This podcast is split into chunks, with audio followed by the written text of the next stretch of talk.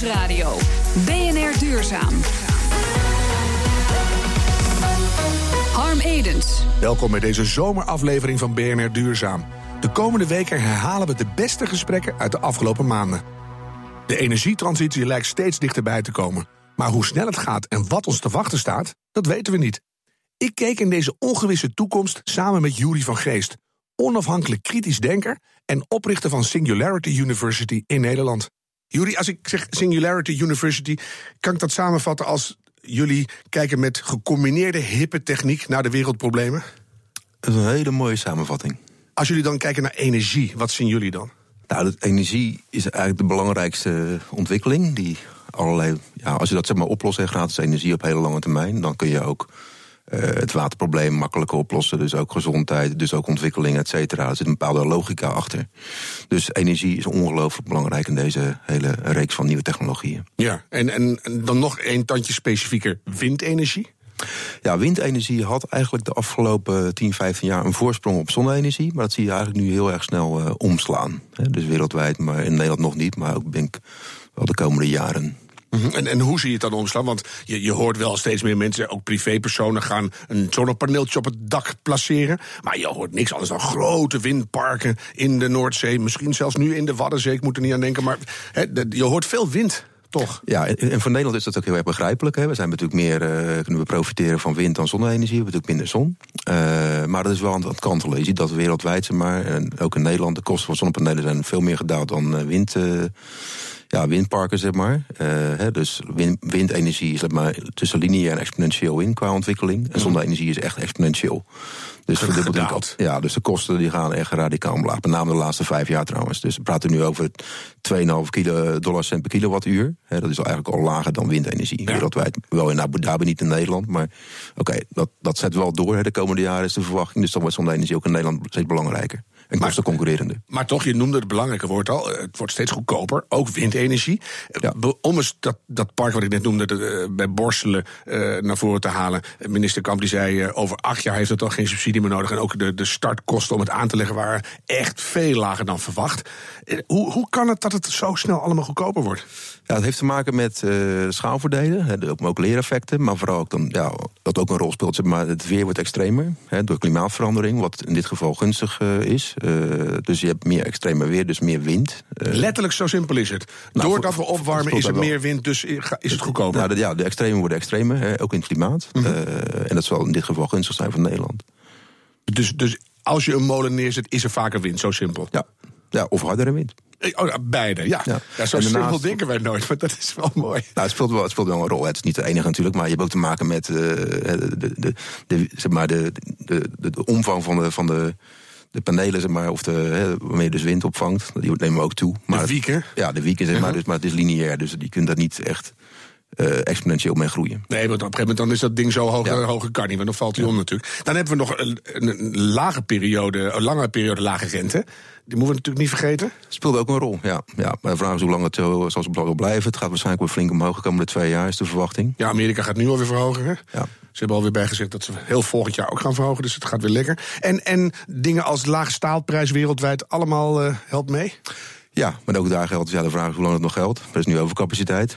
Dus, uh, maar we moeten even kijken hoe lang, op lange termijn hoe verder gaat. Ja. En dan toch, als je het vergelijkt met zonne-energie, dan blijft wind relatief duur.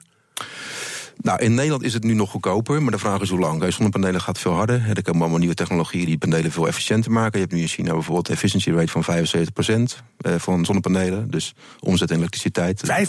Ja, We zaten hier op 22 of precies, zo? Precies, precies. Dus dat is factor 4 beter. Nou, dat komt eraan. Dat heeft te maken met nieuwe technologieën zoals... Ik noemde dat cijfer laatst op tegen een zonne-energie-expert uit Nederland. Ja. Toen werd ik bij kans over een kathedertje heen getrokken. Ja, die geloofde dat nog helemaal nee, dat, dat, klopt. Maar dan moet je even kijken naar Sintag Power in, in China. En dat komt er aan. Dus het is er wel.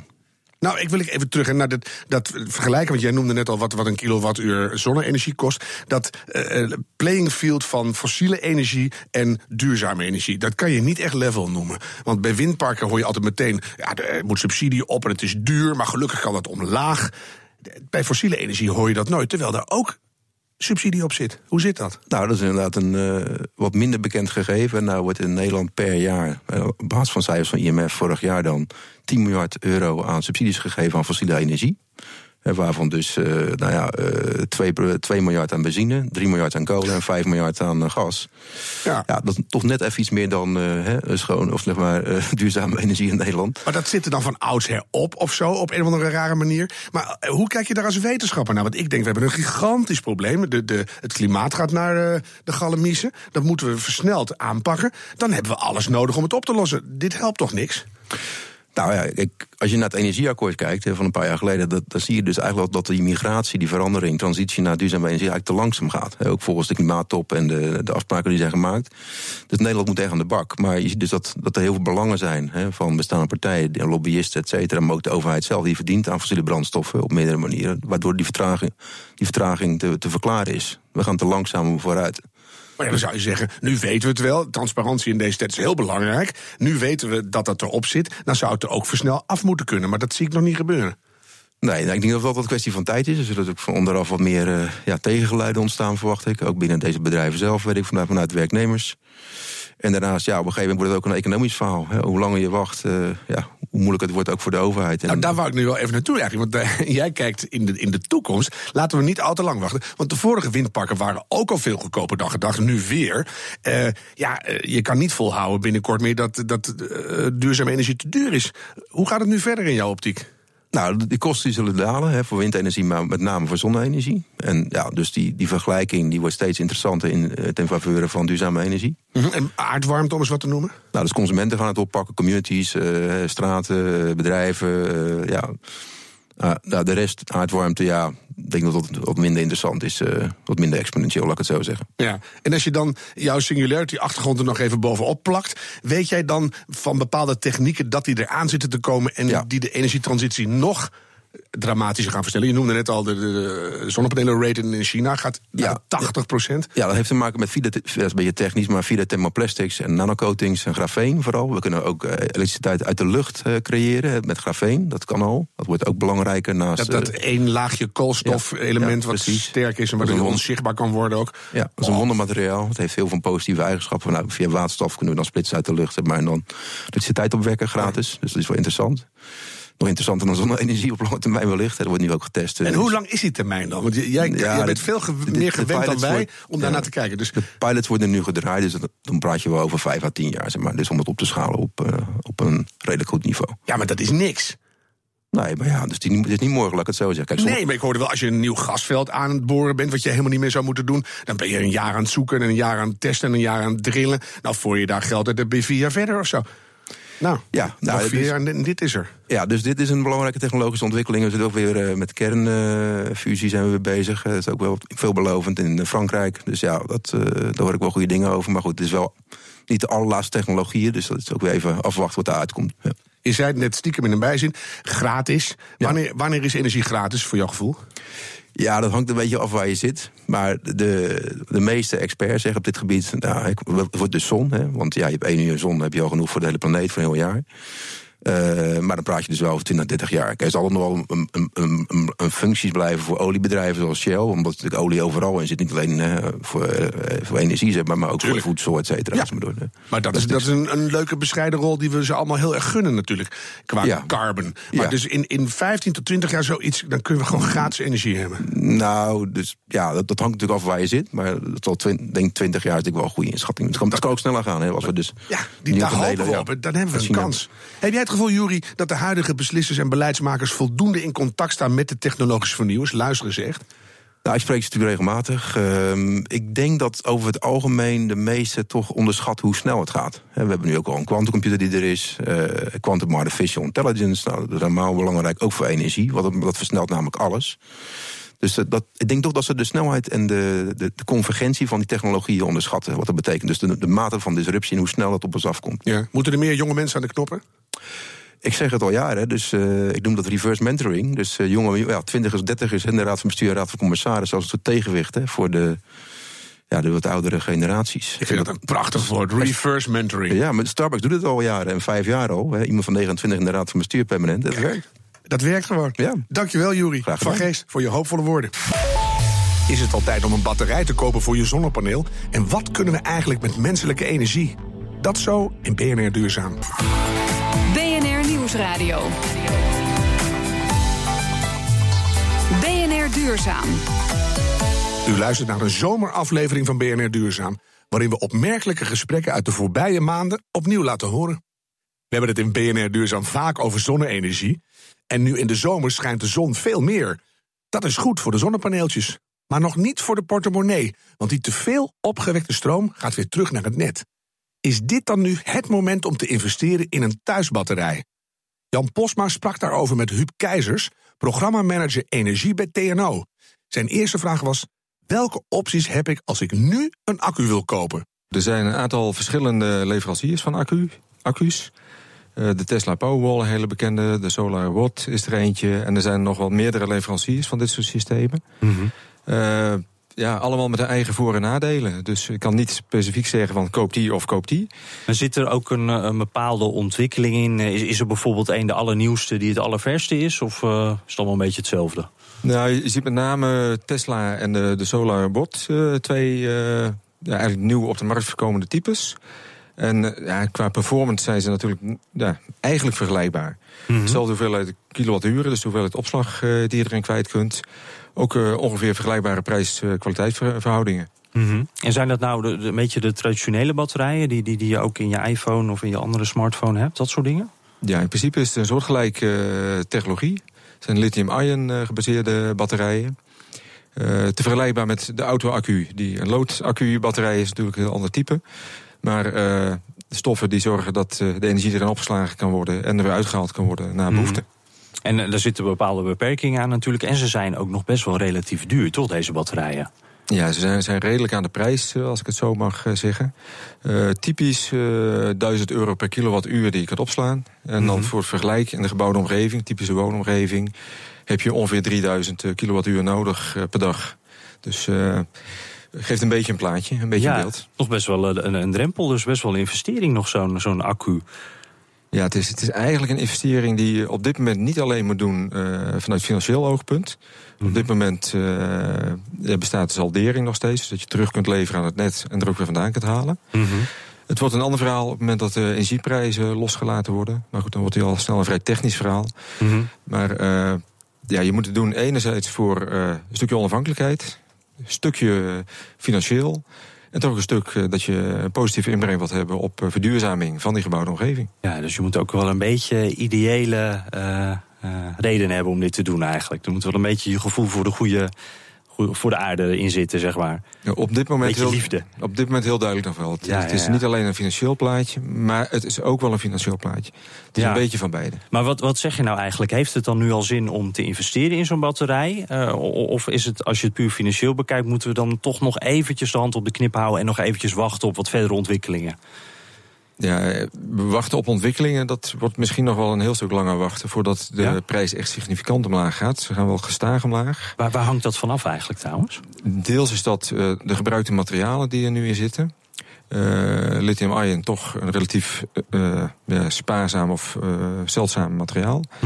De kwaliteit van de batterijen zelf. En een van de toekomstige ontwikkelingen zit meer in andere materialen die goedkoper zijn, makkelijker zijn. Eh, maar met als nadeel dat je dan vaak weer iets meer ruimte nodig hebt. Ja, ja, dus dan moet je even een eh, schuurtje een- vrijmaken. Een, een schuur niet per se, maar het is wel een afweging die je dan eh, moet maken. Want ik hoor dan bijvoorbeeld wel eens de term blue battery voorbij komen. Wa- Wat, is dat een ander soort, zo'n soort ander, ander soort bat- batterij? Of? Ja, Blue Battery is een leuke ontwikkeling in, in Nederland ook. waar ge- gebruik gemaakt wordt van zeezout en een membraan waarbij het potentiaalverschil ja, omgezet kan worden in, in elektriciteit. Ja, ja. En zo zijn er meerdere. Eh Dr. Ten is er een die eh, dingen doet. Eh, ook andere materialen. Ellastor is een Nederlandse ontwikkeling. Dus wel nationaal als internationaal.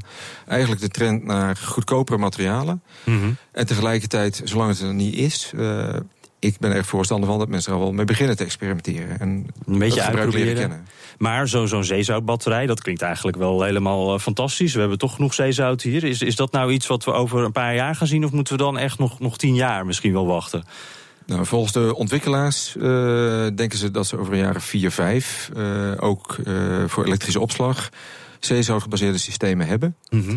En voor pilots eh, zijn de bedrijven al benaderbaar. Maar goed, dan betaal je iets meer dan de, prijs waar ze eindelijk op uit willen komen. Ja, inderdaad. Dan moet je eigenlijk wel een behoorlijke investering doen, denk ik. Hè? Want die, die, eh, die, die, die, die modellen die zijn echt veel duurder, toch?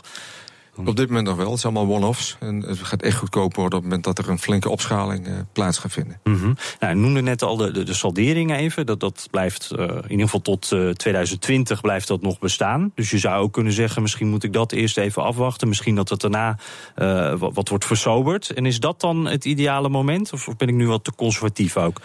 Nou, zoals ik vrij mag zijn, ik vind dat uh, net iets te conservatief. Het zou mooi zijn om al iets eerder ermee te beginnen. Mm -hmm. uh, sterker nog, het zou nu al uh, geschikt zijn. Waarbij het mooi zou zijn dat de kosten niet helemaal op de gebruiker, op de individuele huishoudens geplaatst wordt. Maar mm -hmm. deels ook aan de kant waar voordelen behaald worden. Dat zijn bij de grid leveranciers, de energiebedrijven.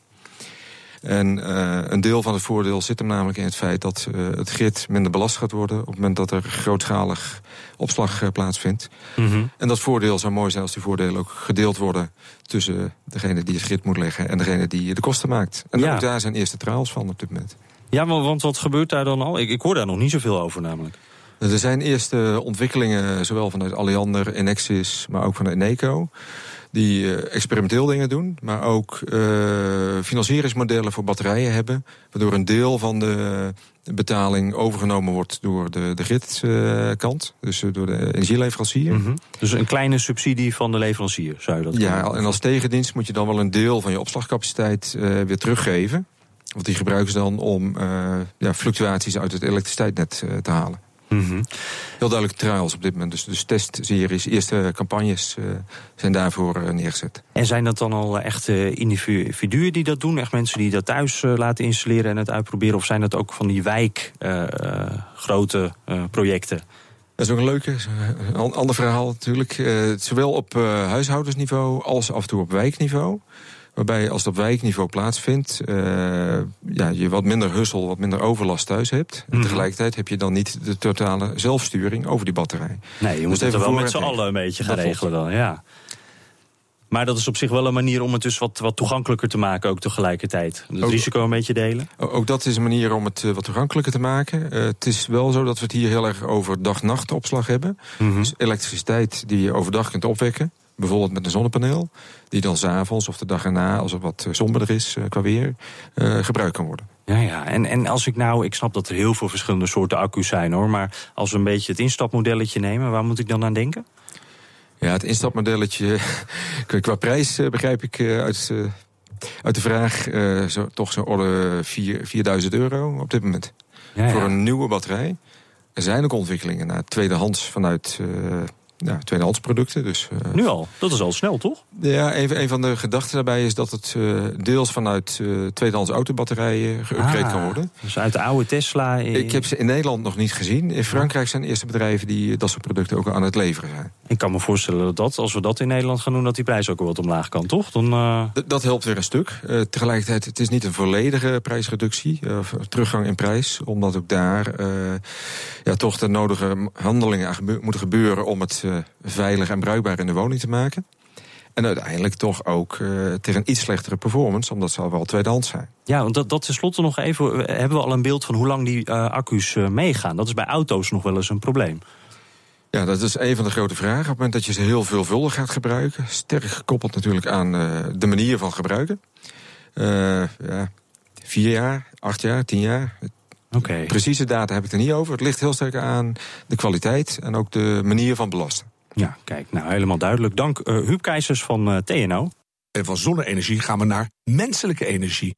Energie opwekken zonder te vervuilen. Dat kan, als je menskracht gebruikt. Een studentenhuis dat volledig door studenten wordt aangedreven. Letterlijk. Het is een idee van kunstenaar Melle Smets en journalist Chris de Dekker. In het Utrechtse Science Park stond hun Human Power Plant. Verslaggever Martijn de Rijk stond erbij en keek ernaar. We zijn eigenlijk een soort uh, doe-experiment begonnen over hoeveel levert de mens nou eigenlijk op en hoe halen we er het meeste uit. Kunstenaar Jelle Smets. En, en wat doe je nou? Ja, dit zijn een soort cross-trainer hebben we hier ontworpen. En die bestaat uit uh, voor de handen waterpompen die uit de petrochemische industrie komen. En onder hebben we dan voet, voetpompen met lucht. Daarmee kun je dus met ja, kleine pufjes enorme druk opbouwen. Stop maar even, want anders heb je zo geen adem meer. Ik word er ook moe van. Ja, precies. Eh, je moet nog twee uur vandaag. Ehm, dat gaat door die blauwe slangetjes en dan? En vervolgens eh, krijg je dus water onder druk. En daarmee kun je eh, een eh, propeller aan, eh, aan, aanjagen. En de stroom komt door. En dan kun je je telefoon opladen. Juist. Maar hoe lang moet ik eh, per dag dan aan de apparaten? Nou ja, dat is dus meteen kom je dan bij de behoeftes uit. Hè, hoeveel wil je gebruiken? Wat heb je nodig? Maar als je kijkt naar eh, onze moderne technologie, zoals telefoons en, eh, en laptops, ja, dan is dat eigenlijk relatief weinig. Met een uurtje per dag heb je eigenlijk al je apparaten al wel opgeladen. Oké, dat valt dus eigenlijk reuze mee. Ja, het wordt een ander verhaal als je ook warm wilt douchen. Of als je Oh ja, en het winter wordt natuurlijk. Ja, precies. En als je je magnetronwis wil gebruiken. En eh, dat zijn, dat zijn de, grote, de grote energieslurpers. En wat doe je dan in de winter? Wat, eh, ga je dan eh, zes uur aan het ding hangen? Nou ja, dat wordt dus meteen de onderhandeling. Hè. Ben je bereid om heel veel energie op te wekken alvorens je hem gebruikt? Of ga je alternatieven bedenken over ja, hoe, hoe kan ik het anders doen? En eh, koken doen de studenten straks op eh, zelf geproduceerd biogas. Gas haal je uit, eh, uit onze poep. Ja, dan, dan is een bepaald eetpatroon natuurlijk het ene werkt beter dan het ander. Dus, dus dat zijn we nu aan het uitwerken. Oké, ja. Ik zit dan aan bruine bonen te denken of zo. Is dat uh, naïef?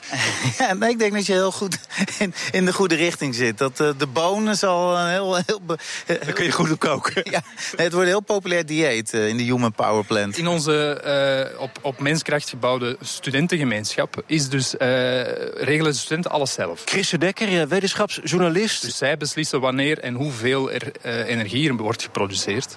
Maar je hebt natuurlijk allerlei informele eh, manieren om daar buiten te stappen. Van bijvoorbeeld, je vindt een meisje wel leuk en dan ga je haar shift overnemen of zo. Bijvoorbeeld. Ja, ja. Of, of, of je verliest de weddenschap en dan mag je de hele eh, aflevering eh, Game of Thrones eh, binge-watchen... mag jij bij elkaar pompen hier. Ja.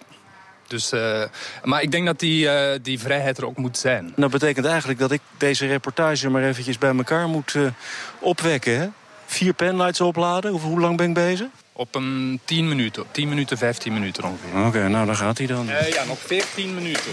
Oh jee, oké. Nou, allemaal voor jullie, eh, beste luisteraars. Je luisterde naar een reportage van verslaggever Martijn de Rijk. Rest mij nog één. Laatste vraag. En die stel ik zelf. Want kunnen we onze Limburgse mijnen gebruiken om de piekmomenten groene stroom op te slaan? Kunnen we ze bijvoorbeeld gebruiken als een soort gigantische batterij?